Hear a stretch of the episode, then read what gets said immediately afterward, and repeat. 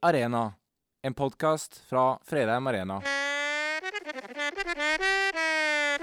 Og eh, før vi for alvor setter i gang her i episode åtte, så må vi takke Erik Magnus Kristiansen. Han rigger opp, han rigger ned, han legger ut, legger på støyfilter. Han gjør nesten all jobben med denne podkasten. Jeg sitter bare her og jabber. Han har til og med sagt at jeg kan sitte med vinduet oppe i dag, på årets varmeste dag. Han sier han skal få vekk bakhuslyden med et filter. Liker du denne podkasten, så ikke takk meg, men takk Erik Magnus Kristiansen neste gang han er i nærheten av det. For en mann. Bortsett fra det, velkommen til siste i arenaen før sommeren. På denne tiden av året skulle jo normalt sett ha satt kursen mot nærmeste møtetelt, nærmeste potensielt tilholdssted for en ny vekkelse, men slik er det altså ikke. Ikke bare teltmøtene mer eller mindre en svunnen tid, men hvor ble det av vekkelsene? Der hvor folk strømmet til, fikk livet sitt forvandlet i møte med Gud. Hvor ble de av? Og hvordan kjennes det ut å stå i en vekkelse? Og hvordan ser det ut ifra de unge sitt perspektiv? Dette er jo relevante tema, ettersom også menigheten vi er en del av, har vokst ut av en vekkelse fra 1944-ish, hvis ikke jeg husker helt feil. I mangel på å klamme, telt og oppsøke, så regner vi derfor med at en porsjon vekkelse og fornyelse og podkasten En varm sommerdag ikke er å forakte. Jeg har med meg tre menn til samtale en dag. Det er ikke fordi damene ikke ble invitert, men det kan virke ut som dette kanskje er et tema som ikke traff spot on denne gang. De har med meg er min far Terje Bjørntvedt, som jeg vet har stått i flere vekkelser i løpet av sitt liv, flyttet rundt og drasset med seg familien, alt etter der ånden slo ned. Og heldigvis slo ånden til slutt ned i Vestfold, slik at jeg kunne bli født og vokse opp i skyggen av Bøkeskogen og Vestfold sin vakre kystlinje. Så har vi med Trond Pundsnes. Han er vel også født opp i eh, Vestfold, men har dessverre forlatt sin første kjærlighet når det kommer til dialekt, men har like fullt opplevd å vokse opp i vekkelsesstemning på Hjelmeland, Ryfylke. Det mange ikke vet, er at når denne pandemien slo inn over oss, så var det Trond sin idé med podkast under et bønnemøte, men jeg foretok bare en kjapp adopsjon umiddelbart. Eh, så dette er på mange måter ditt barn, Trond. Føler du at, med, at vi behandler det med respekt og omsorgen som det fortjener? Absolutt. Jeg uh, syns du har gjort en bra jobb. Det eneste jeg har utsatt, er den fantastiske jinglen du har lagd. ja. Det er jo godt. Eh, jeg vil anta at du kjenner på mye å feire for for tida. Liverpool vant seieren i går. Noen av oss andre her eh, holder eh, derimot med Aston Villa og har aldri noe som helst å feire. Men du skal få ti sekunder om gårsdagen, Trond. Hvilken følelse sitter du med igjen nå? Fantastisk. 11 000 dagers ventetid. 30 år. Og så vant vi! Og du fyrte opp uh, fyrverkeri? Uh, det vil jeg ikke kommentere. Greit, jeg kan kommentere det, for jeg fikk et snap. Sist, men ikke minst har vi med oss Per Kåre Vatland. Eh, som sier han ikke har opplevd vekkelse, men likevel søkt kristen fornyelse store deler av livet sitt, bl.a. gjennom oasesammenheng. Vi går rett i gang med et postulat jeg våger meg ut på, og så får vi se om det blir stående. I engelsk så har man et uttrykk som blir brukt en del, eh, som går noe sånn som dette her. Same shit, new rapping. Og Det er et uttrykk jeg har tenkt litt på knytta til disse tinga. Vi ser jo knapt nok vekkelser, iallfall i Skandinavia lenger. Så da er mitt spørsmål er kristen fornyelse vekkelsens litt mer moderne, tilpassa lillebror? Men egentlig så er det same shit, new rapping, altså det samme, men en ny innpakning. Hva tenker dere om det? Jeg tenker at uh, i uh, forbindelse med at vekkelsene kanskje har vært over lengre tid, uh, så er det naturlig at det kommer en oppfølger, og da er det fornyelsesbevegelser som kommer. Så du, du tenker at, at, fornyelsen er egentlig det som kommer etter vekkelsen? Ja. ja. Men det, det, vil ikke si at jeg utelukker at det kan komme nye vekkelser. Ja. Det håper jeg på. Ja. Jeg tenker jo samtidig at eh, enhver vekkelse begynner med en fornyelse. De begynner alltid med de kristne. Eh, de får et nytt møte med en levende Gud, en levende Jesus som står der og tar imot dem. Får gjort opp livet sitt. Og når det sprer, sprer seg ut, ut forbi bedehusvegger, ut forbi menighetsveggene, det er da det blir vekkelse. Det er da vi når nye som de òg får ta del i. vennskapet med Jesus. Møtet med Jesus. Hva, hva, sitter du med, pappa? Du har jo stått i begge deler. Eh, opplever du at uh, det er en stor forskjell mellom disse tinga? Mellom fornyelse og vekkelse? Eller er det mye samme greiene, med litt forskjellig innpakning? Ja, det stemmer nok det at det er litt forskjellig innpakning. Men uh, jeg tror nok også det at det er uh, sånn uh, f.eks. Uh, gjennom mange år nå, siden det var vekkelse, så har det vært et ganske stort leirarbeid rundt omkring på de kristne leirstedene. Der har det skjedd at en del ungdommer har kommet til tru.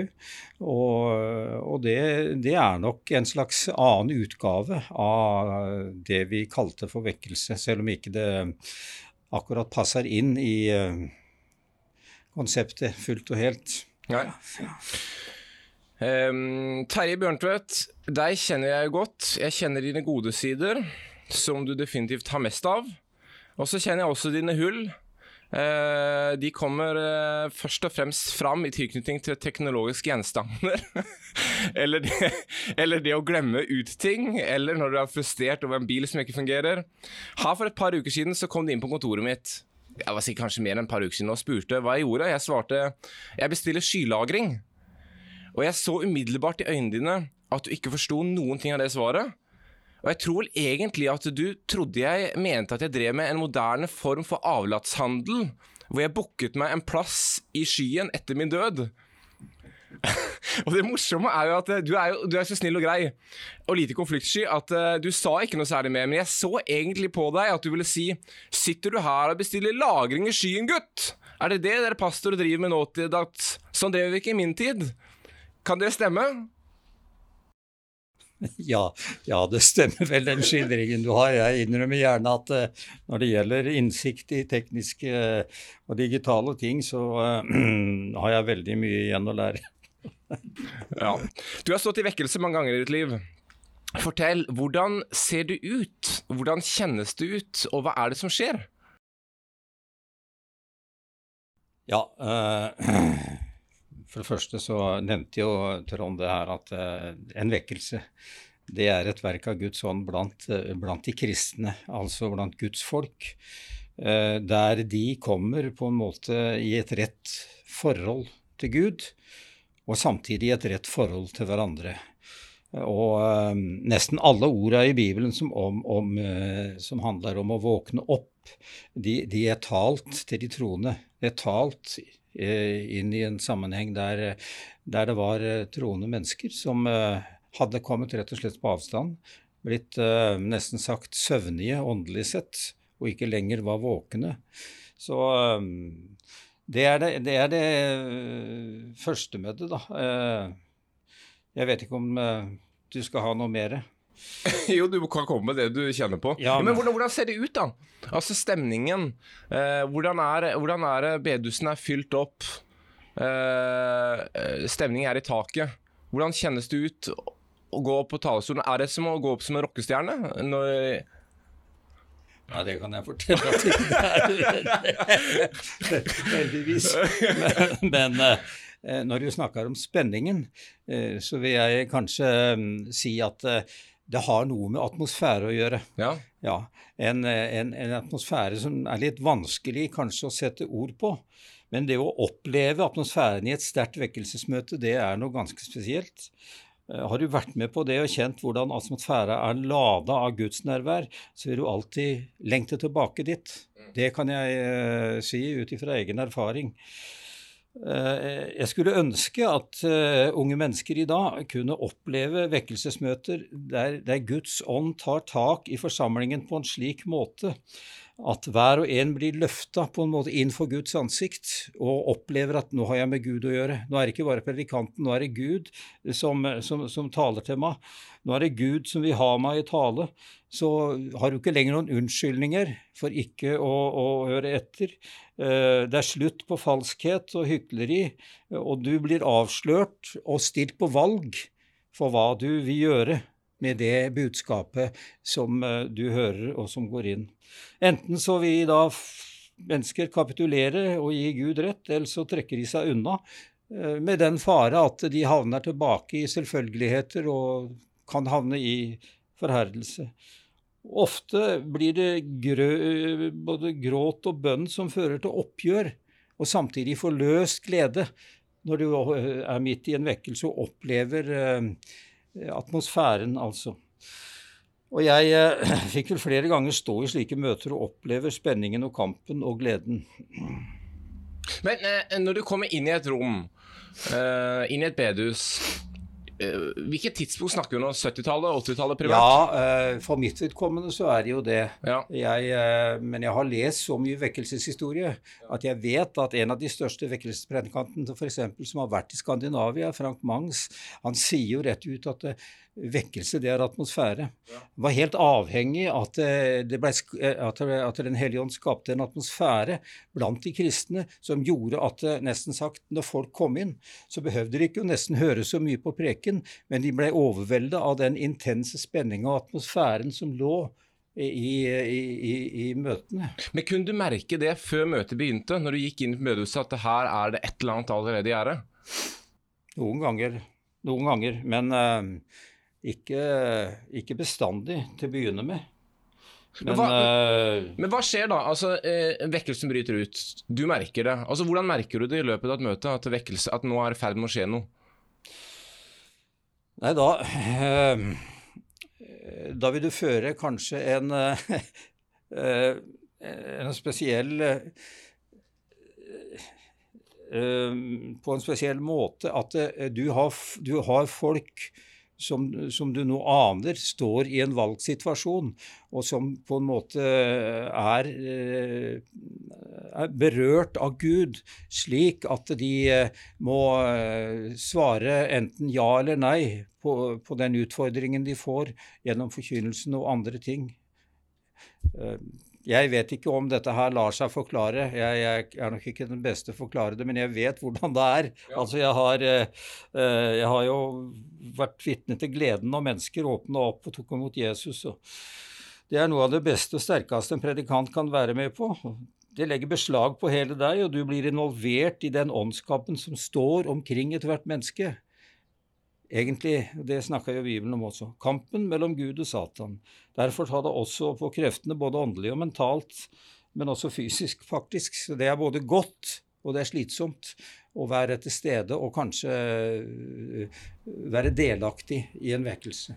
Men når du da, den bryter ut, eh, måtte du da ringe hjem til, til din kone, altså min mor, og si du, nå, eh, nå eh, falt ånden over her, så nå blir jeg værende.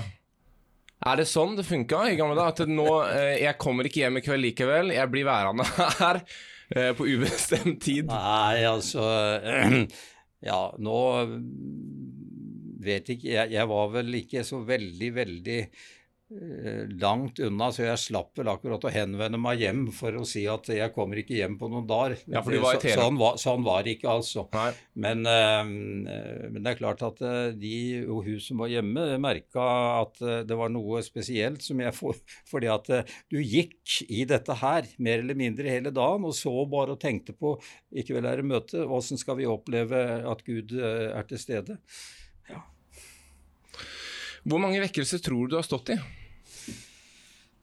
Nei, du sier at det er en del. Jeg tror det er, det er noen Jeg har, jeg har vært med på noen øh, vekkelser, og øh, de har vært på litt for Du snakker om telt her øh, til å begynne med. Ja.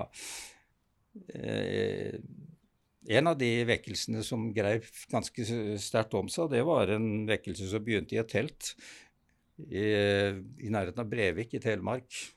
Så um, de begynte og skulle ha 14 dager. Og så etter hvert så skjønte vi det at uh, tilstrømningen ble så stor, og reaksjonen hos de som var på møtet, den, uh, den var av en sånn karakter at vi, vi mente at vi måtte fortsette. Og så var det e- enkelte som overga seg til Gud og tok imot trua eller tok imot frelsen. Og så fortsatte vi i, i tre uker, eller fire uker til. Og eh, dette var jo den, det var på den årstida som vi lever i nå. Det, var, begynte, det begynte sånn eh, i begynnelsen av juni, og så fortsatte det da til midten av, av juli. Og så begynte de i teltet, og fortsatte i teltet, men midt, midt på varmeste sommeren så fikk vi oppleve det at eh, rundt omkring på bedehuser som lå ganske avsides, der bestemte vi at nå skal vi ha møte der denne, denne kvelden. Og bedehuset var sprengfullt. Det skjedde flere, det skjedde flere steder altså i, i denne bygda der folk kunne komme ganske langveisfra for å være med på møtet, selv om, selv om det var et avsidesliggende bedehus og det var varmt. Ja. Så, så da, da, var den, da, var den, atmosfæren til stede. Hvor, lenge, hvor lenge varer en vekkelse? Nei, Det kan uh, variere veldig mye. Det, det, er fra noen uker og til noen måneder, og faktisk opp uh, til, uh, til noen år. Den vekkelsen, han, Frank Mang sto i en vekkelse i Oslo som de regna varte i fem år. En av de største vekkelsene som har vært i Norge. Ja. ja. Hvilken vekkelse husker du best? Er det, sånn, er det et sånn minne når, du, eh, når jeg spurte deg, og du, og du, tenker litt tilbake og tenker ja, den husker jeg, altså, det, var, det var spesiell tid. Er det det i Brevik med teltet, eller er det andre altså, spesielle ja, altså det var fordi at du nevnte det med telt. Jeg tenkte på det. Det, det, det handla jo om at eh, den gangen var jeg ung sjøl, og det var jo veldig mange unge mennesker som åpna opp livet sitt og tok imot Jesus, eller tok imot troen, altså. Og det blei jo en stor ungdomsmusikk på det stedet. Men det er kanskje det var, det var, en av de første gangene jeg fikk være med å stå i en vekkelse, da. Før det så Ja, ja, jeg hadde vel vært borti noe. Men siste gangen jeg var eh, med på en, eh, kanskje en mer omfattende vekkelse, det var i Drangedal i Telemark. Og der eh, var jeg på fellesmøter sammen med både Indremisjon og pinsevenner og kjerka. Og det, det var en det var, det var jo en sterk opplevelse at folk fra forskjellige sammenhenger kom sammen. Og så, så begynte Gud å virke og kalle på mennesker og på forskjellige måter, slik at eh, noen ble frelst, tok imot. Andre ting og, som jeg ser tilbake på som eh, veldig flott, det var at eh, i den bygda hadde det vært en splittelse i en av menighetene for 20 eh, år siden. da. Og det hadde resultert i at eh, de hadde delt seg. Og de som hadde gått ut, de hadde bygd sitt, et nytt hus på et annet sted i bygda. Og så kommer eh, etter hvert det til å skje at eh, de møtes på fellesmøtene. Eh, de blir tydeligvis berørt av Guds ånd og konfrontert med noe av fortida si som resulterte i det at de gikk fra hverandre. Og etter hvert så endte det med Det skjedde vel ikke under selve vekkelsen, men rett etterpå så bestemte de vi må gå sammen igjen. Vi må komme sammen igjen. Vi kan ikke holde på å drive hvert på vårt sted i hvert vårt lokale når vi egentlig hører sammen. Og det var en fantastisk flott opplevelse å være, være, til stede under en sånn prosess. Og det var ikke predikantene, men det var rett og slett Guds ånd som virka så sterkt i forsamlingen at uh, de, de, kom ikke unna. Altså, de, de, måtte, de måtte Eh, de ble konfrontert med noe som de ikke kunne la ligge lenger. Ja. Spennende. Vi, eh, vi, pauser deg litt der, og så skal vi gå Skal vi la oss barna, eller kanskje blir det egentlig riktig å si barnebarna av vekkelsen, komme til ordet. For det er ikke legge skjul på at noen eh, elsker å grave i brent barns-statistikker når det kommer til disse tinga. Eh, for det er ikke tvil om at konsekvensene for en del av de forkynnerne som har stått i disse vekkelsene og reist rundt, er at de har fått store problemer med forhold til sine barn og med familiene, fordi at familiene kanskje opplever at de har vært eh, vekk. Um, Gud er, eh, og de kan sitte med den følelsen at Gud er tydeligvis ikke opptatt av meg, kanskje ikke pappa heller, men bare alle de andre. Først må jeg gi deg litt ros her, pappa, og det er jo fordi at på en eller annen måte så har du klart å balansere dette. Um, for jeg tror du var sykt mye vekk i perioder, når de, kanskje de eldste eh, søsknene mine var små, eh, på disse vekkelsene og sånn. Men det virker ikke ut som de bærer noe nag. altså De har ikke opplevd at du har vært fraværende, inntrykket mitt. På en måte har du da klart å balansere dette, eh, som gjør at vi sitter fortsatt igjen med det inntrykket av at du har elsket oss og er glad i oss eh, og har vært der for oss. Så, så, på en måte så har jeg en sånn høne å plukke med disse som hele tida skal grave blant de brente barna. Eh, for de er jo definitivt der, de brente barna. Men jeg påstår også at det er ikke vekkelsen eller den mentaliteten sin feil, men det er menneskene som tok feilvurderinger i de enkelte stedene. For jeg ser tilbake på mitt liv, så kunne jo ikke jeg drømt om en bedre sommer og oppvekst enn det å springe rundt og prøve å finne alternative utganger i disse klamme møteteltene, selv om jeg synes møtene var forferdelig kjedelige. Det må jeg innrømme, men jeg storkosa meg. Jeg elska det. Eh, og jeg blei så glad i disse menneskene. Jeg tror nesten jeg bare har utelukkende positivt inntrykk av alle menneskene jeg har opplevd i disse miljøene opp gjennom åra, eh, i lavkirkelig luthersk kontekst på Østlandet. Men hvordan var det da i det mørke vest? Trond, du forlot din første kjærlighet for å flytte til Ryfylke. Eh, hvordan var det å vokse opp i vekkelsesmiljøet der? Det var spennende. Jeg opplevde jo at eh, jeg vokste opp i et miljø der de var veldig åpen for vekkelse. Ønska å legge til rette for uh, vekkelse, ba om vekkelse. og gjorde mye arbeid for å legge til rette. Og så er det den, som Terje sa, det er Den hellige ånd som, som skaper dette her. Så jeg syns det var spennende. Det har jo absolutt påvirka meg. Og jeg tenker at når du har opplevd vekkelse og det rundt en vekkelse, så er det aldri mørkt. Nei. Hvordan eh, Var det lang var det en lang vekkelse som aldri tok slutt? dette her? Altså, for her, Da er vi eh, nærmere bestemt Hjelmeland, er vi det? Ja. Øh, nei, det Jeg tror øh, vekkelse er en spesiell besøkelsestid. Ja. Den kan vare kort tid, lang tid. Det, det er det bare Gud som bestemmer. Så Eh, min, min, første opplevelse med dette var når jeg var sånn ni og et halvt år. Eh, og jeg syns du beskrev veldig godt dette med atmosfære. Jeg, så jeg tenkte hvordan skal jeg beskrive eh, mitt første med en vekkelse? Og det var akkurat den der atmosfæren. Det å komme inn i kirken på Hjelmeland, på fellesmøter, oppleve at her er det en tilstedeværelse, her er det en atmosfære som er spesiell. Og Merka du den før møtet begynte? Er det sånn, for det er det som Merka at det lå noe der idet du kom i døra? Ja, jeg eh, pleier ofte å oppleve at jeg merker det. Ja. Og, og, så det var ikke predikanten som piska i gang noe greier? Det, det, var et eller annet som lå der allerede?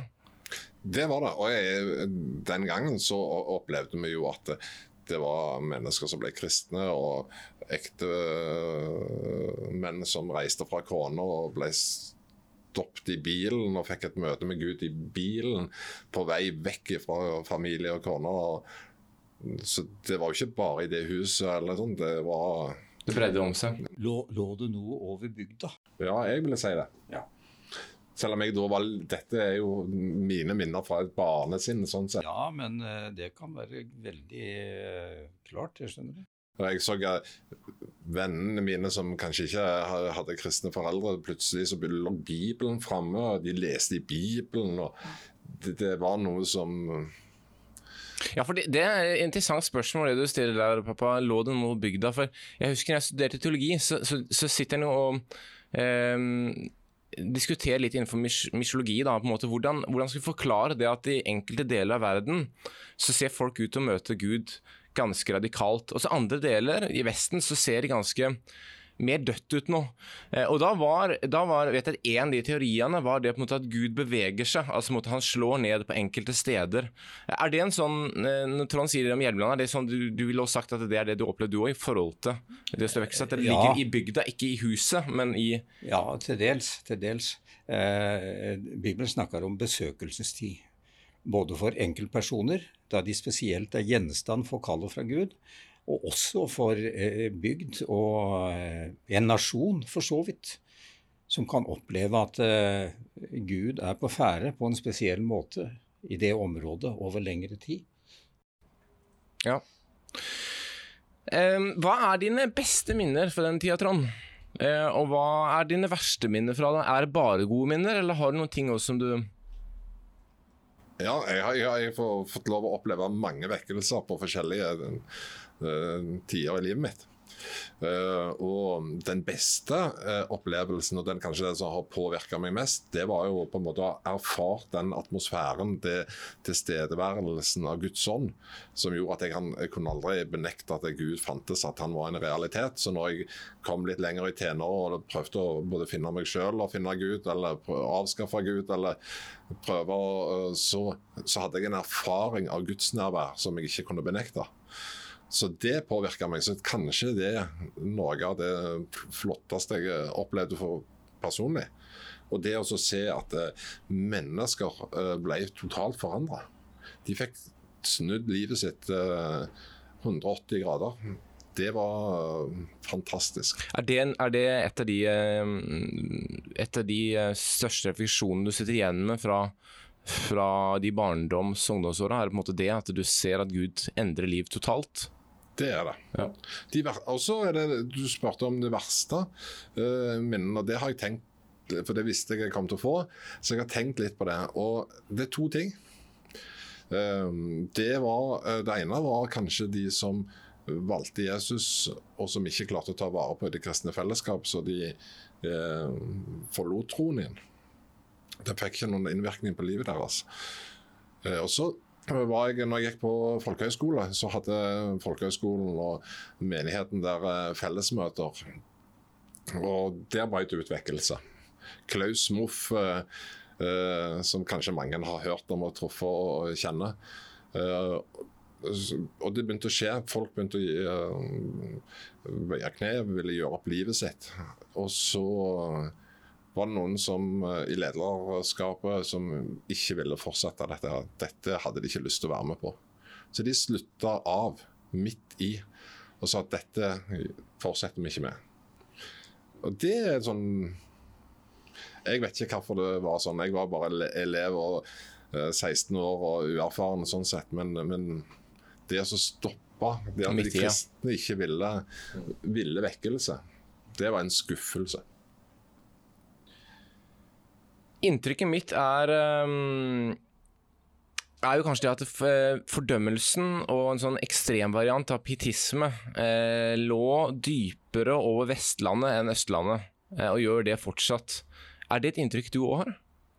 For du har reist, jeg vet du reiste team òg etter Nå snakker vi jo mest om barn ungdomsåra, men så vet du du reiste som team i unge voksenåra, og da var dere òg på Østlandet, har jeg forstått?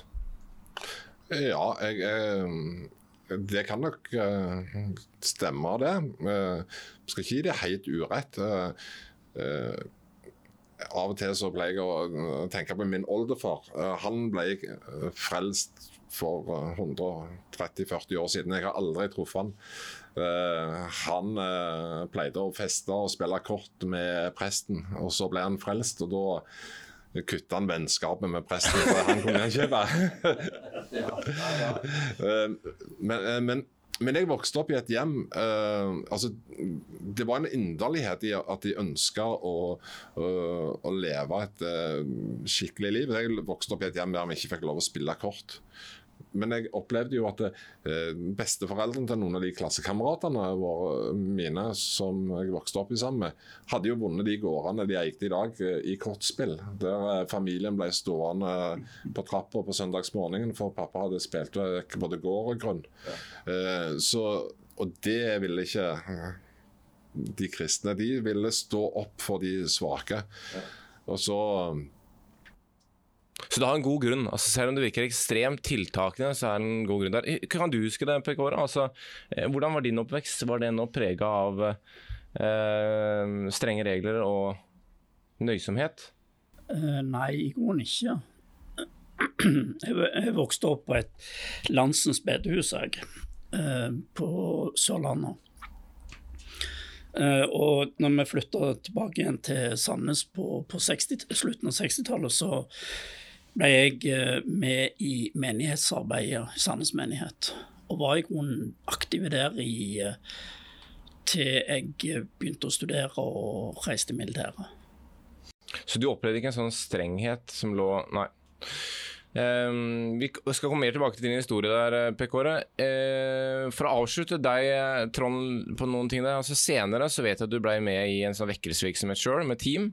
Jeg vet også at du var i Larvik. Uh, det tror jeg pappa hadde glemt, men du var også i Var det Østre Halsen det var en vekkelse i Larvik? Nei, det var på Nannes. Det var, det var, en, det var i Nanset kirke. Nanset var det. det begynte i telt, det også. Ja. Og så flytta vi, når det ble så kaldt om høsten, så måtte vi flytte inn i kirka. Ja. ja. Um, og da er vi på midten av 90-tallet, stemmer ikke det? Jo, jo, jo ja. litt, først, først, på 90-tallet. Ja. Eh, og se folk, hva, hva, eh, Da fikk du jo se da med egne øyne folk som vendte om. Um, og da var det jo da du var i midten av Er det tidlig 20 år eller noe? Da var jeg tidlig 20 år. Hvilket, hvilket inntrykk gir det altså, når du ser mange som endrer livet sitt totalt samtidig? Det er fantastisk. Uh, og den uh, Det som skjer med folk, altså de åpner hjemmet sine, de uh, kan jo ikke få nok av møter, de kan ikke få nok av Gud, kan ikke få nok av Jesus. De brenner morgen, middag og kvelds. Det er sant. så, så, det kan være litt sånn utmattende å stå i vekkelse og være en del av en vekkelse. Og så var det noe som jeg eh, Det var jo da jeg traff deg. Da var du en bitte liten guttevalp. Ja. Uh, jeg vet ikke om du husker meg heller. Nei, jeg, har ikke det, jeg har ikke gjort et stort inntrykk. Eh, men, men, jeg hadde en sjef den gangen som sa at nå har det brutt ut vekkelse i Larvik, og vi gjør om på reiseplanene sånn at evangeliseringsteamet skal få lov å oppleve å være en del av en vekkelse. Så vi ble sendt der når det allerede var i gang. Eh, veldig spennende. Og vi jobba jo inn mot ungdommene eh, som var med. Og det som eh, jeg husker aller best, det var disse ungdommene som sa at disse eldre i menigheten, de som alltid har sagt nei, de som alltid har vært sånn litt sånn vanskelige, de er blitt helt forandra. Så de så en enorm forandring hos de eldre kristne. Mm. Uh, og så var det fantastisk å se eh, folk som uh, tok imot Jesus. Jeg husker det var en, en relativt en voksen mann. Han begynte, på, begynte, å gå på søndagsskolen, for han hadde, kunne ingen uh, søndagsskolehistorier. Så han, for å få det grunnleggende kristendomsundervisningen, så gikk han på søndagsskolen for å få med seg Starte der, du, eh, du, så med andre ord hjerter som ble forandra. Vi må snakke litt til om hjerter som blir forandra, for jeg tror det også skjer hos den mer moderne lillebroren, fornyelse. Eh, men før vi går til deg om det, eh, Pekora, så må jeg komme med det som kanskje har gjort størst inntrykk på meg knytta til oppveksten. Eh, hvor fine biler, eh, dyre ting var forsaket eh, for å bevisst å velge andre verdier. Og det tror jeg var da jeg var ni eller ti år gammel. Jeg er ikke helt sikker på om jeg var ni eller ti, men jeg tror kanskje det. Um, da tror jeg det hadde vært en vekkelse. Det, var, hadde i hvert fall vært en fornyelse, minimum. Og, du, pappa og mamma, dere valgte da å komme hjem med en rusmisbruker. Som skulle bo hos oss. Uh, ja, han, det var i den vekkelsen, når vi kaller det det, da, i Larvik, ja. i Nansetkirka. Ja. Det var en kveld, for der skjedde det ganske spesielle ting. Der kom folk etter hvert eh, Det blei så, ble så sterkt åndelig, åndelig miljø at de kom fram og begynte å bekjenne sine synder offentlig. Og eh, noe av det som skjedde, som jeg vet jeg kan fortelle, fordi han har sagt det sjøl, det var jo eh, et ektepar som kom en kveld. Og da hadde de, før de kom på møte, Eh, blitt enige om at eh, vi skal stå fram og fortelle vår historie om, om, om de og de tinga. Og det handla om at eh, mannen sto fram, og han sa det at jeg har vært utro mot kona mi. Vi har snakka sammen, vi har tilgitt hverandre, og vi har valgt å fortsette sammen. Eh, og så var det andre ting. De, de sto noen ganger i kø for rett og slett å få og, og, Noen syns at dette blei for voldsomt, så de ville altså De mener det at det hører ikke til i en, en, en, åpen forsamling, det skal inn i et annet rom, i sjelesorgens rom, som det heter. Men noen ganger så tror jeg Gud bryter igjennom, og rett og slett eh, så, så, folk må få åpna opp og, og lufta ut, selv om det da skjer kanskje på en måte som vi ikke er vant til. Ja, for jeg tror det, Personlige historier gjør jo ofte noe. altså. Ja, ja. Hvis historiene ja. blir personlige, eh, så blir det jo at du, Gud, du ser hvordan Gud har møtt, møtt enkeltpersoner, så blir jo det å tale med ekstra kanskje kraftig inn i livet til de, de som hører det. Men eh, han her da, han hadde i hvert fall møtt Jesus på et av disse møtene. Hadde ingen sted å bo, som jeg forsto det. Nei, han kom inn en kveld eh, med en plastpose. Der hadde han alt han eide, holdt jeg på å si. Ja. Da hadde han vært, eh, gått ned i byen og funnet seg et sted på en, eh, et sånt gammelt hus som de holdt på å renovere. Der skulle han ligge på natta. Og så kom han fram og fortalte at han ikke hadde snakka med foreldrene sine på, på ett år. Og at han nå eh, hadde vært bort fordi at han hadde flykta fra et, et, et, et rusmiljø som han ønska å komme ut av. Ja. Og så uh, endte det jo med det på kvelden, da, at vi syntes ikke han kunne gå ned uh, til det der stedet han hadde tenkt å ligge. Så det blei sånn at uh, kona mi og meg, vi, vi eh, bestemte at vi tar han med hjem. Og regna med at uh, han blir et par, et par dager der, og så finner vi et sted inne i byen som han kan uh, være og, og bli tatt vare på. Det ble mer enn et par dager. Ja. det ble fire måneder. Så det, Ja, for han og der, det var en spesiell tid. Men jeg husker vi en kveld lå eh, i senga, eh, altså kona mi og meg, og sa dette her er spesielt. Men så ble vi enige om så meningsfullt det er. Vi ble utfordra på så mange områder. Men vi tenkte og ble enige om dette her er virkelig meningsfullt. Ja, for, for meg er vi jo ant... Men det var jeg som bodde hjemme da for nettet hadde flyttet ut. Han flytta inn på Anette sitt rom. Eh, Jeg klarte jo ikke å reflektere den tid, hva er det som skjer? Så jeg, jeg levde jo så sier si som at eh, ja vel, jeg har fått en, en ny bror i eh, Men han Når jeg nå tenker tilbake på det, så er kanskje det det sterkeste vitnesbyrd nesten jeg har hatt i hele livet mitt om at deres hjerte var forandra. For jeg bare tenker, hva skulle til for at jeg hadde gjort det sjøl? Eh, Det er ganske heftig beslutning. Altså Én ting er én-to dager, men la, la, ta inn en som du ikke kjenner fra gata. La bo i fire måneder sammen med din ni eller ti år gamle sønn. Eh, det høres jo det ser helt sprøtt ut, men jeg ser tilbake på det og tenker på at det er for en fantastisk ting å gjøre. Eh, og det står på en måte som, som en sånn pilar i livet mitt på at noe hadde blitt forvandla hos dere, som fikk dere til å se det at det her var en som trengte at noen faktisk tok et tak, og så gjorde dere det. Ja, det, mm, det hadde noe med atmosfæren eh, å gjøre, det også. Det hadde nok det. Så eh, Kommer noen gang en blåmandag etter, eh, etter en vekkelseatmosfære? At du angrer på, angrer på noen nei, beslutninger nei, du tok? nei, nei, nei. Det Nei. endte jo opp med at vi fått, fikk kontakt med foreldrene hans. Han ville ikke det i utgangspunktet, men eh, vi fikk Ja. Det var jo ikke langt unna, det var i Sandefjord, og vi fikk foreldra til å komme hjem til oss. Og der fikk de møtes Ja. for første gang på over et år. Eh, så, så, så det var sterke opplevelser, det var det. Eh, men vi fikk du verden, vi ble konfrontert, og måtte konfrontere flere ganger. Jeg husker faktisk det møtet òg, så det, det har tydeligvis hatt spor spor hos meg om. Hjertet ble forvandlet. Per Kåre, forvandlede hjerter, det er vel også noe dere ser i fornyelsesbevegelsen, er det ikke det? Og jo da, det skjer veldig ofte. Hvordan, hvordan skjer det? Eh, Det skjer veldig ofte på eh, samtalerommet, der en sitter gjerne med en, en person og en eller to veiledere som snakker med vedkommende.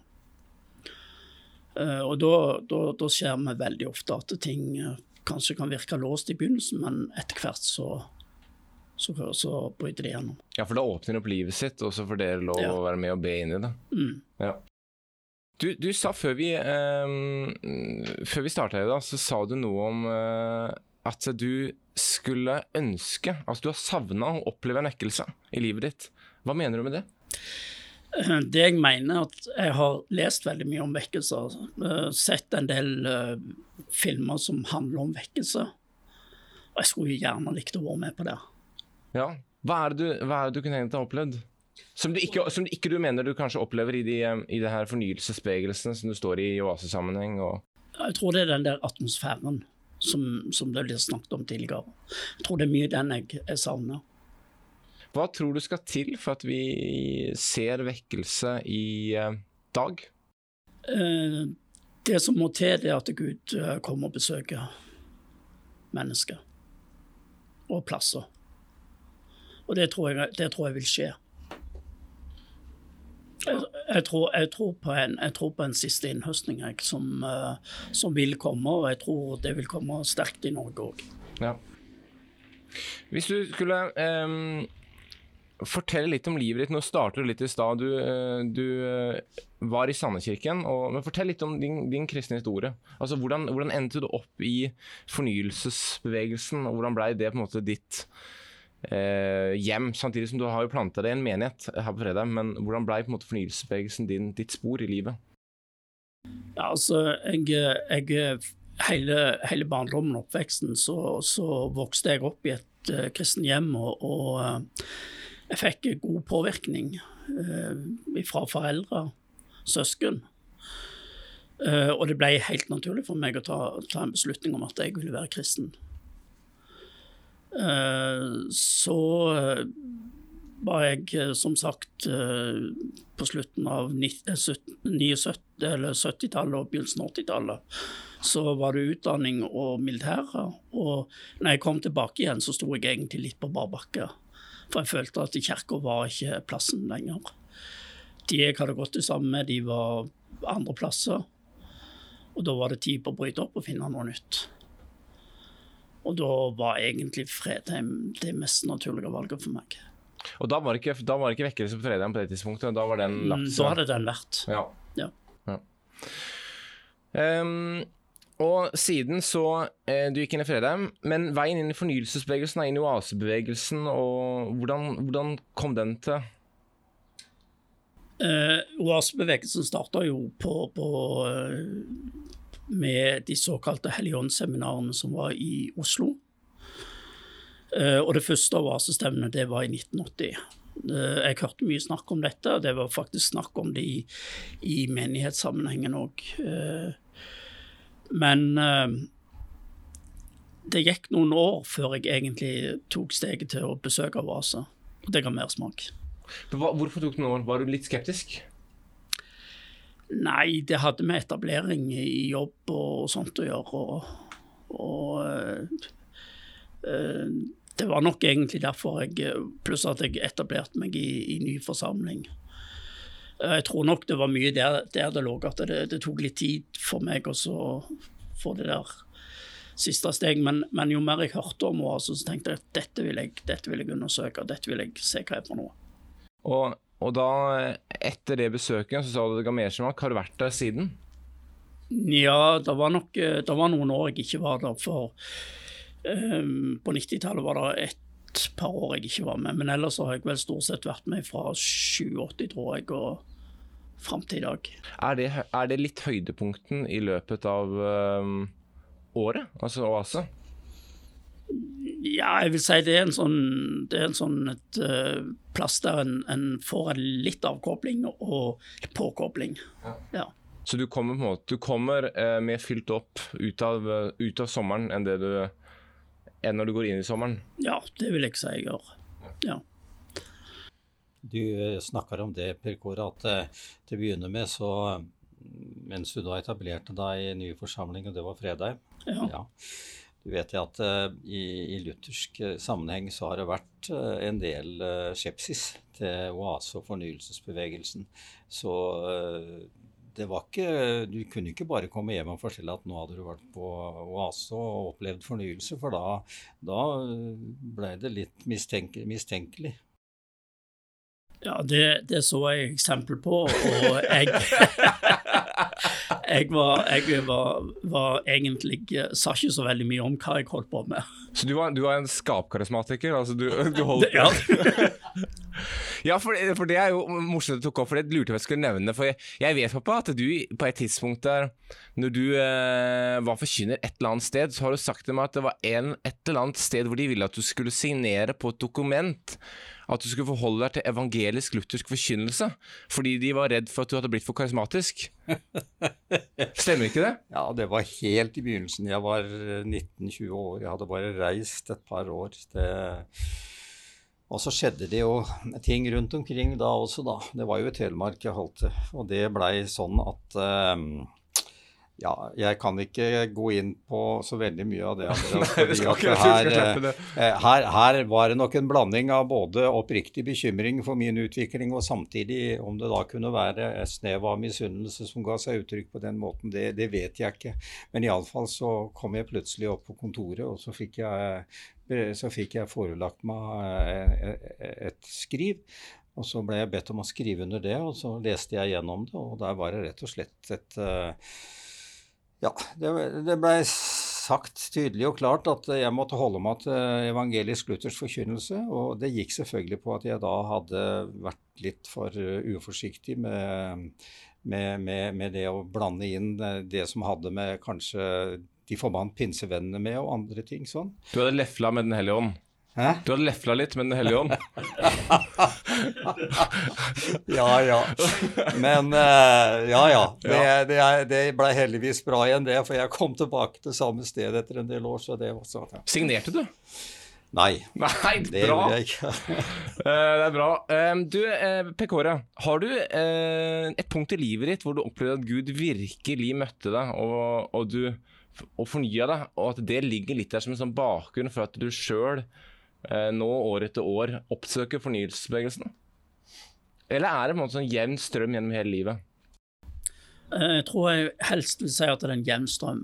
Eh, jeg har ikke noe sånn veldig konkret, eh, men, men kanskje flere små, konkrete ting som, som har påvirka meg gjennom livet. Men eh, det er klart at eh, har hørt, jeg har hørt en god del forkynnelser som etter hvert har satt preg på, på livet, og jeg har òg lest jeg liker veldig godt å lese bøker, og, og har lest veldig mye litteratur fra fornyelsesbevegelsen. Spennende. Hva er, eh, hva er poenget for en kristen i det å søke fornyelse? Jeg tror at eh, egentlig så lengter vi vel kanskje alle ut at, eh, at eh, en skal få en større vekkelse over landet, og jeg tror at det ofte preger eh, den måten i hvert fall jeg tenker på, at jeg må leve, leve i fornyelsen for å, å være klar når det skjer. Ja, for jeg, jeg tenker jo at sånn som for min del, så, så tenker jo av og til når jeg hører historiene fra gammelt av vekkelseshistoriene, så, så tenker jeg at det, livet mitt ser litt sekulært ut. Altså um, jeg, jeg tror på Gud, jeg ønsker å følge Han, men samtidig så kjenner jeg på at jeg er jo opptatt av mye av det samme som alle andre er opptatt av. Jeg, jeg føler meg på en måte litt sånn, litt sånn sekulær. Forstår du det? Forstår du uttrykket? Er det litt der fornyelsen ligger? At, måte, at den skal møte deg og ehm, slå rot og på en måte begynne å, å få deg til å tenke annerledes? Ja, du kan si at eh, det yrkesvalget jeg har gjort, har jo gjort at jeg er nødt til å leve veldig sekulært i, eh, i jobbsammenheng. Eh, det er ikke sånn at du kan sette deg ned og, og slå en prat om, om uh, tro og, liv i, i, i de sammenhengene som jeg jobber i. Nei. Og Derfor så, så må du søke det på andre tidspunkter. Da er f.eks. et sommerstevne hvor du får god forkynnelse, hvor du får uh, variert forkynnelse. uh, det er, er viktig. Uh, samtidig så må jeg jo si at jeg har jo òg brukt mye tid de siste årene på å være med i ikke bare å sitte og lytte, men òg å være med og hjelpe folk i, i etterkant av forkynnelsen. Så jeg, har jo vært veileder i, i ganske mange år i Oase. Eh, og det har vært veldig spennende, og jeg har opplevd å komme tett inn på folk. Og opplevd å se mennesker bli forvandla gjennom en samtale. Trond, når jeg sier det at eh, Hvis jeg er helt ærlig, så, så kjenner jeg jo på en sånn sekulær tilnærming over livet mitt. Samtidig som ikke jeg vil det. Ikke sant? Jeg vil jo følge Jesus, eh, men samtidig så, så Når jeg hører historier fra gammelt av, så tenker jeg at det er noe sekulært over livet mitt. Kjenner du òg igjen det? Det kan jeg kjenne meg igjen i. Eh, Og det tror jeg kanskje eh, på, kjennetegner denne tida. Hvordan vi blir fanga av travelheten. Eh, det å få materielle goder. Det er litt av det som er i tidsånda. Og det tror jeg jo at eh, ofte i vekkelsestider, fornyelsestider. Og så er det litt hva en legger i ordet fornyelse. Det har vi egentlig ikke snakket så veldig mye om. Så, eh, for jeg tror det, Gud kan virke til fornyelse på veldig mange måter. Men, men jeg tenker jo at kristne må leve i en daglig og kontinuerlig fornyelse. Eh, ellers så blir det stagnasjon og død kristendom over tid. Men jeg kjenner veldig igjen det, og jeg tror at Eh, mange av oss som er kristne, eh, skal tørre å være åpne for at Gud kanskje vil snakke inn i livet vårt på hvordan vi prioriterer, mm. hvordan vi har fokus. Og så, så det jeg tenkte på når vi har snakket uh, Kan jeg ta en liten historie? Ja. Får jeg lov til det? Håper jeg ikke sporer helt av. Men vi snakket litt om det med mørke Vestland og sånt. Fram til 1850-tallet så var f.eks. Ryfylke en av de mest ugudelige plassene i Norge. Det var skikkelig uh, lite kristendom der. Uh, og Hjelmeland, som jeg kommer fra, så var det ei dame som heter Helga Vormeland. Hun var i Stavanger. Lørdagskveld, kjeda seg. Hva kan vi gjøre? Det var ikke kino eller noe annet eh, av underholdning i Stavanger, men Hans Nilsen Hauge skulle jo ha møte, og det kunne jo være litt underholdende. Og Det sies om henne at uh, hun kom på det møtet og ble møtt av Gud så sterkt at hun ikke oppdaget at møtet var ferdig. så brukte hun livet sitt. Uh, hun reiste tilbake til Hjelmeland. Og Det sies at hun gikk fra gård til gård og snakket med folk om Gud. Og det er Noen forskere som mener at det er kanskje så mye som to tredjedeler av befolkningen i Hjelmeland uh, var personlig kristne når hun døde. Uh, og Det var òg en vekkelse. Det var ikke en møtekampanje. Det kan godt hende det var noen møtekampanjer innimellom her, men det handler om å bygge relasjoner, det å snakke med folk, det å dele livet. Uh, og det, det, hørte jeg òg en forsker som hadde forska på dette med vekkelseshistorie. Hvorfor var det på landsbygda bedehusbevegelsen slo så veldig godt an? Og Han sa uh, at en av de grunnene var at det, for, for 100 år siden, når bøndene var ferdig med våronna, så gikk han til naboen og så hjalp han, han med å bli ferdig med våronna. Så sånn jobba de sammen. Det var ikke sånn at de satt på hver sin store traktor, men de, de jobba sammen. Og når eh, den kristne eh, bonden i grenda hadde blitt møtt av Gud på, på møtet, så skinte det igjennom. Og så delte han vitnesbyrdet sitt Eh, med de andre bøndene i grenda. Og så tok han de med inn i møtene, og så blir de òg møtt av denne atmosfæren. Det og så var det litt av det som var litt av vekkelseshistorien. Eh, og grunnen til at bedehusbevegelsen som vekkelsesbevegelse slo så godt an på landsbygda i Norge.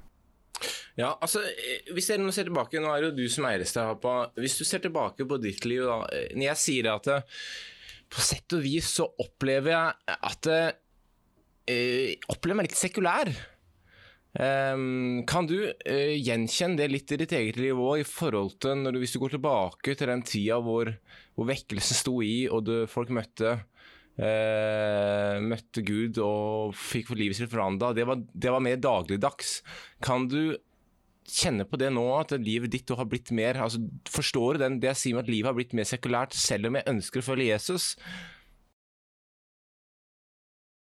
Ja, det er jo det de kaller De kalte før versliggjøring. Men det er jo, eh, det er jo sekularismen som eh, har slått igjennom, og det, det merker jo jeg i mitt eget liv også. Eh, noe av det eh, kan vi jo for så vidt være være greit at vi er, er kvitt det at eh, det var nesten sagt forbudt å, eh, å bruke sminke. Det blei eh, eh, å gå på kino, det var det samme som at du var frafallen. Og, og, sånne ting. Det, det, er vel bra ikke lenger skal være noen kriterier.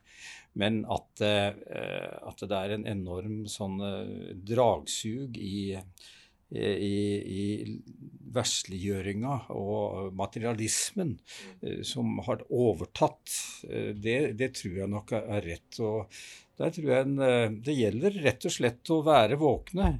Det var en bonde borte i Vestfold, du snakker om bonder her, Trond.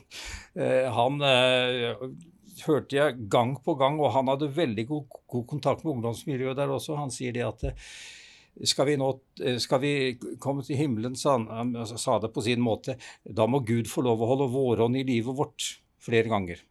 Han mente at uh, det gikk an å oppleve Gud, altså at han holdt vårånd i livet mitt. Uh, det blei pløya. Det blei harva. Det blei virkelig vendt om. Og, jeg fikk med Gud å gjøre sånn at det, det, måtte, det, måtte, det måtte, Og det skjedde igjen og igjen. Jeg, jeg tror det at vi trenger stadige fornyelser på den måten at Gud griper inn og begynner å ripe i lakken, og ikke bare i lakken, men dypere ned i lag. Så, så han bringer opp i lyset noe av det som vi kanskje kaller for hemmelige synder. Eller skjødesynder, som de sa før. Ja. Og som tapper åndelig liv og kraft for oss. Det er det det gjør. Og det er ikke alltid behagelig når Gud begynner å pirke Nei. i livet vårt. Nei. Det er ikke sånn at Wow! Dette er det, det, er ikke, det har jeg opplevd i eget liv, når Gud begynner å tale inn at du, Trond, her må du gjøre opp uh, du lever ikke sånn som du skal, eller du prioriterer ikke sånn som du skal, eller hva Gud har talt deg inn i. Det er jo ikke noe gøy. Det er ikke noe behagelig. Men når jeg får lov å komme til Gud med de, eh, det livet mitt, så opplever jeg at jeg har en Gud som står der med åpne hender, to naglemerker, og sier at jeg har betalt. Kom, jeg vil gå sammen med deg. Eh, Pekore, altså Vekkelse kontra fornyelse. Når du, når du, sitter her og snakker nå, hva tenker du, hva, hvis du skulle oppsummert det på en setning, forskjellen på de? Uh, vekkelsen, det er, opplever jeg som en sånn litt mer uh, hendelse som skjer over et kort tidsrom. Uh, fornyelsen, det er noe som skjer daglig gjennom et langt liv. Men skjer begge deler med kristne mennesker? Altså, er det folk som allerede tror, eller er det sånn at vekkelsen har en mer Eh, fokus også ut blant de som da ikke kjenner Jesus? Vekkelsen rekker nok lenger ut enn en fornyelsen. Fornyelsen vil jo være først og fremst til kristne, de kristne. Mens eh, vekkelsen den vil jo òg favne verdensfolk. Men jeg tenker at uh, av og til så trenger nok kanskje vi kristne òg en vekkelse i våre liv for å få rydde opp i ting. Det tror jeg òg. Tror du at du alltid kommer til å søke fornyelse, eller kommer du til et, på et eller annet tidspunkt til å snu helt og be oss om å synge de samme sangene som du sang når du var ung, og be oss om å snakke slik de snakket når du var ung, osv.? Det håper jeg ikke. uh, nei, jeg gjør, jeg gjør, ikke det. For det at uh, jeg tenker at uh, Når jeg ser på det, sang, mange av de sangene som blir lagd i nyere tid, så har de så mye kvalitet over seg at jeg håper at en klarer å, å favne inn de. Så det er klart, litt variasjon. Gjerne ha med noen av de gamle, for de ikke glemme den sangskatten vi allerede har. Men ta vare på, på tilveksten. Ja, og flygelsen. Vi skal gå litt eh, Du har ville si noe, pappa? Jeg skulle tilbake til Nei, litt. jeg skal ikke si noe, men jeg skal lese et ord som blir ofte tatt fram i forbindelse med det at det, det, det skal skje vekkelse, og ikke minst da iblant, uh, iblant de kristne. Så står det her i, i 2. Krønikok 7, 13 og 14.: Når jeg lukker himmelen så det ikke kommer regn, og når jeg byder gresshopper og fortærer landet, og når jeg sender pest iblant mitt folk, og så mitt folk, kommer som er kalt med mitt navn, ydmyker seg og ber og søker mitt åsyn og vender om fra sine onde veier, så vil jeg høre fra himmelen og forlate deres synd og helbrede deres land. Den, ofte, den går ofte igjen i uh, vekkelses... Eh, det blir veldig ofte sitert som, som rett og slett uh, måten som uh, ting skjer på. At det, det, begynner å bli en dyp erkjennelse av nød, enten den kommer fra mitt indre eller det er ytre ting som skjer. Og så begynner jeg å søke Gud, ydmyke meg og ber om tilgivelse. Ja. Um, du eh, hørte en av de første episodene jeg hadde, jeg tror den første, hvor jeg sa at jeg fant en ølflaske eh, i kjøleskapet til farfar og, jeg trodde, og, jeg trodde, han var på vei eh, mot fortapelsen. Eh, og du lo, av, du lo av det, du ler nå. Samtidig så vet jeg at du husker, du husker den gangen farfar kom til tro. Um, og farmor etter det. Og det valget som ble tatt den gang, det har jo egentlig prega vår familie siden. Skjedde det også i en vekkelse? Og hva var det egentlig hva som skjedde? At eh, det Når farf- preger- når far- nei, når farfar til altså, tro. Det, det er klart han levde i et eh, Han levde i et eh, såkalt verslig sekulært miljø, han. Og han eh, gikk eh, iblant folk som både likte en dram, som de sa den gangen, og dreiv og dansa på lokalet på lørdagskveldene. Både han og, og mora mi. Men, men de hadde vokst opp i en familie, de også. Så min bestefar, som jeg aldri har møtt, og kona hans, eh, de var ikke personlige kristne. Eh, Så jeg Det var jo en dramatisk forandring som skjedde i vår eh, familie etter at eh, han Det skjedde ikke under, under vekkelse, men Gud kalte på han ute i der han gikk, og plutselig en kveld så blei det sånn at nå må jeg ned på bedehuset. Og han sa til, til mor mi at nå går jeg ned på bedehuset. Jeg må, jeg må ordne min sak med Gud.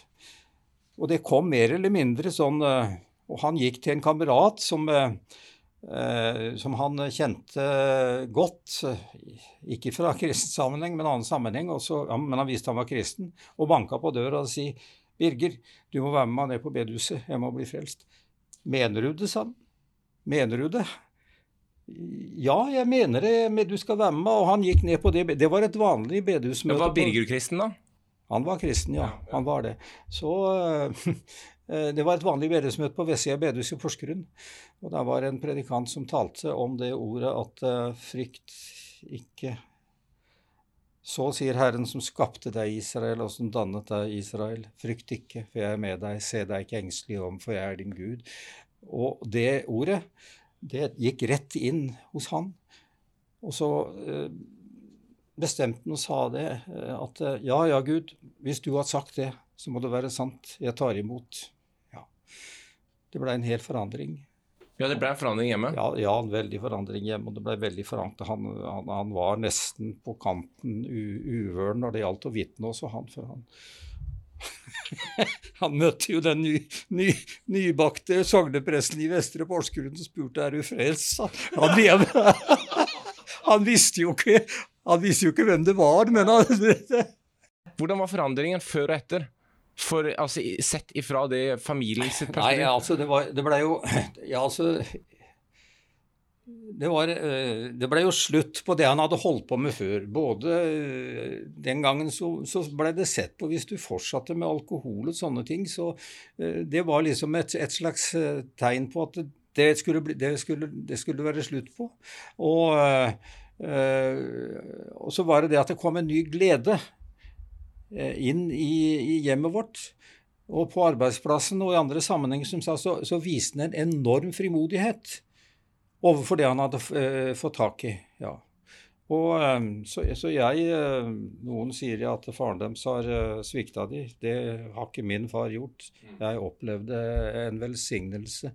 Eh, og jeg var ung, veldig ung da han uh, blei ble frelst, men eh, det blei snudd om hos oss. Vi må snakke litt om kostnader med dette livet også, å stå i vekkelsen.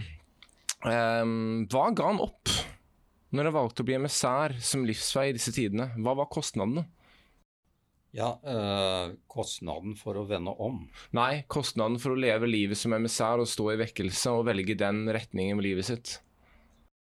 Nei, jeg vil ikke eh, kanskje snakke så mye om det, fordi jeg syns jeg sitter igjen med mest velsignelse. Men det er klart at jeg gikk med dårlig samvittighet en del ganger fordi jeg ikke fikk være hjemme eh, så mye som jeg burde, og delta i familiens liv sånn. Så eh, det, det har vært eh, en sånn noe som har lagt over meg, men jeg er kvitt det for lengst. Altså, jeg er det. Jeg har bedt om tilgivelse for noe også. Så Ja, men det er den, det er den biten mest. Du savna ikke det økonomiske. Det var heller at du savna nei, jeg gjør ikke det. Jeg gjør ikke det. Eh, vi hadde det trangt til dels. Uh, første året jeg reiste med emissær, så var det 14 000 i årslønn. Ja. det var andre tider, med andre ord. Vi snakka litt nå om de tøffe sidene med vekkelsen. Eh, Du har opplevd da mye i disse vekkelsene. Samtidig så kom du jo til et punkt i ditt liv um, hvor du um, uh, opplevde sjøl at du møtte veggen. Ja. Hvordan, hvordan, henger det sammen, tenker du? At uh, du på en måte jobber for Guds rike, som egentlig da skulle være på en måte Guds sak. Men selv opplever du at uh, du orker ikke livet lenger sånn som det er nå. Nei, men det har med det å gjøre, som jeg sa til å begynne med her, at det, det, tar på å stå i vekkelse og i kristen virksomhet så intenst som det var den gangen. Eh, det tar på kreftene eh, åndelig og ikke minst mentalt, men faktisk også fysisk. Så vil du merke det det hender at eh, vi kom hjem fra virksomhet eller fra et møte der jeg følte meg som en tomsekk fordi jeg var så tappa. Og det var etter at jeg hadde drevet i en seks-syv år veldig intenst med møtevirksomhet og stått fast både nede ved Kristiansand og oppe på Notodden. Så møtte jeg veggen. Og da måtte du ut av hele Ja, ja, ja. Jeg måtte Heldigvis så var det Det var jo kona mi, da, som måtte ringe til en lege fordi hun oppdaga det at hun kunne nesten ikke snakke til meg før jeg begynte å gråte. Ja. Og, og, øh, var helt ute av meg. Og, så jeg var vekk på et rekonvalsenthjem i noen måneder. Og, og, der har jeg jo fortalt noen ganger om at det, det var netter når jeg var der, som jeg faktisk eh, forsto dem som kunne tenke å ta sitt eget liv. For jeg syns det var Jeg syns at jeg passa best på søppelhaugen.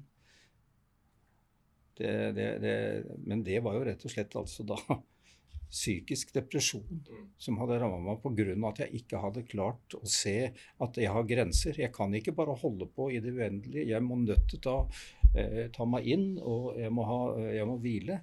Og jeg må ja. Eh, savner du vekkelsestidene? Ja det er ikke farlig å si det. Jeg sier du lengter tilbake dit. Gunnar Prestegård, som eh, jeg kjente forholdsvis godt i, uh, når jeg var i Telemark, han kom jo derfra, fra Skien. Han fortalte når han ble intervjua i Vårt Land på 80-årsdagen De spurte om hva han uh, syntes var det beste han hadde opplevd i sin tjeneste. Han blei ble jo både landssekretær, generalsekretær, eh, forlagssjef Ja, mer til. En, en, fantastisk flott mann på mange måter. Og så, spør, eh, så svarte han eh, hva han setter mest pris på, sa han vekkelseslivet på bedehuset. Ja. Men det kommer nok ikke tilbake på samme måte når vi samme utgaven. Men selve saken den trenger vi, og den ønsker vi sjølve. Ja. ja, for det er egentlig det siste spørsmålet jeg har her. Eh, eh, vekkelse kan komme eh, kanskje på kino, en sekulær kino, en konsert, eh, hvor Gud da eh, berører gjennom en tematikk eh, som vekker en lengsel til å vende om. Hva tenker dere om det? Trond og Pekora? tror du at en vekkelse kan neste gang ikke komme gjennom som vi tenker en møtesal, men gjennom at Gud bruker helt andre instrumenter for å nå oss? Jeg tenker at det kan skje. Uh, for det at Gud er skaperen, og han trenger ikke gjenta seg sjøl. Han kan gjøre noe helt nytt. Så, så, jeg tror veldig godt at ting kan skje utenfor uh, våre vanlige møteplasser, men, men at folk plutselig bare blir berørt. Tror du at, tror du at den kan komme tilbake i samme eh, form som det har vært? Altså med bedehusene, med teltmøter, eller tror du at den tiden er egentlig den er omme? Det kan være at, det, kan være at, be, uh, at det vil skje i kirke og bedehus. Uh, men, eh, men eh, han er ikke avhengig av det. Gud kan gjøre eh, det på andre måter hvis han vil. Du Trond, du sitter og jobber mye med powerpoint og grafiske ting. Sånn for barn. Hva, hva, tenker du? Hvordan tror du at hvis det en eventuelt ny vekkelse bryter ut, hvordan tror du den ser ut? Det er klart, Dette blir jo synsing, men, men hva, hva tenker du? Jeg tenker at uh, jeg kommer til å bli overraska uansett. ja. uh, og, og, Gjennom vekkelseshistorien så, så, er det forskjellige redskaper Gud har brukt til forskjellige tider til, til å nå ulike mennesker. Uh, og jeg tror at Gud kan bruke veldig mange forskjellige måter. Jeg, hørte et vitnesbyrd fra en uh, mann fra Romania som fortalte at i kirken i Romania under Ceaucescu og kommunistveldet så, så møtte de mennesker, og så hadde de noe som heter holy gossip. Uh, Istedenfor å snakke om vær og vind, så snakket de om Gud til folk. Og så nådde de nye gjennom det. Så ble Ceaucescu og kommunistene de eh, forsvant. Og så var det ei tid for å møtes på store arenaer. De hadde jo ikke fått lov å ha samlinger i det hele tatt. Så da var det flest mulig mennesker på flest mulig tider som møttes. Eh, og, og sånn er eh, vi har historier, eh, vekkelseshistorier der det er folk som som jeg snakket om i helga, som gikk fra gård til gård og snakket med mennesker eh, om Gud. Så møtte de, eh, var det en vekkelse gjennom det. Vi har eh, store møtekampanjer med Billy Graham, som vi, vi kjenner. Eh, vi har eh, små husfellesskap der Gud møter. Har, så det, Gud møter oss på veldig mange forskjellige måter. Men jeg, tenk, jeg har tenkt litt når vi har snakket eh, den første vekkelsen som blir beskrevet i Bibelen, det er den som skjedde på pinsedag. Først så skjedde det noe med Peter og de andre disiplene. Og så gikk de ut og vitna. Og så står det at det 3000 eh, ble døpt den dagen. De hadde tatt et valg som skulle forandre livet deres. Og det tenker jeg at um, Istedenfor at vi skal prøve å gjenskape altså Vi skal ha den rette musikken, den rette taleren og rette altså prøve å skape den rette atmosfæren. og sånn, så tror jeg det er også uh, At vi som kristne både ber om vekkelse og i vårt eget liv. Og er villige til å, å, la Gud få lov å jobbe med oss.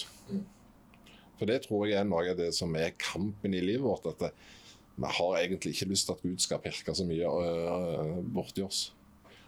Men er vi som kristne villige til det, så tror jeg det skjer, kan skje ting som gjør at vi ikke klarer å holde igjen. Da bobler det over.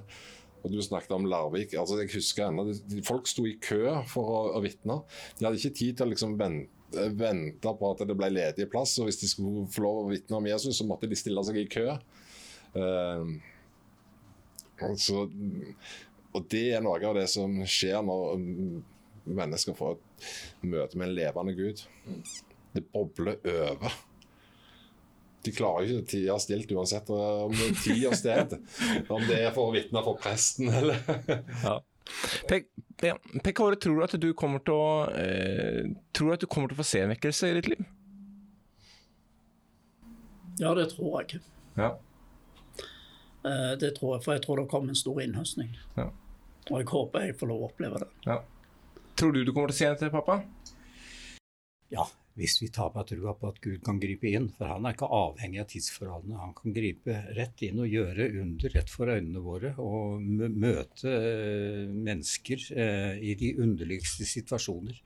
Og Hvis noen er interessert i å lese om en vekkelse, eh, så kan de lese i apostelgjerningene 19. Den vekkelsen som var i Efesus, den er ganske radikal, altså.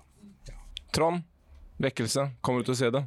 Igjen? Jeg har tro på det. Jeg har tro på at Gud kan uh, gjøre vekkelse. Og det ser altså Vi ser mange plasser i verden at det skjer store vekkelser. Vi, vi, opplever at det skjer uh, vekkelser i de syriske flyktningleirene. Det blir det ikke ofte snakket veldig høyt om. Vi opplever eh, Sør-Amerika som et land der det er mange som blir møtt av Gud for tida. Det skjer store ting. Så rundt i den store kristne kirke så skjer det mye spennende. Veldig bra. Det var det vi eh, rakk for denne gang. Sommeren er her. Dersom det ikke er noe vekkelse nær deg, så håper vi like fullt at du fikk en liten smak av det gjennom denne samtalen. Takk til Trond, Per Kåre og Terje for at dere tok dere tid til å komme for å dele av deres liv og erfaringene rundt det som går på vekkelse og fornyelse. Sommeren er her, ja. Åtte episoder var det vi rakk fra mars til juni, og det er vi for så vidt fornøyd med. Jeg regner med vi er tilbake på sensommeren. Hva høsten vil romme av tematikk vil vise seg, men jeg kjenner på lyst til å snakke om døden. Opplever jeg å få med meg riktige folk til det, så starter vi opp høsten med døden. Hvis ikke blir det noe annet. Det vil vise seg. Til vi er på lufta igjen, god sommer og adjø!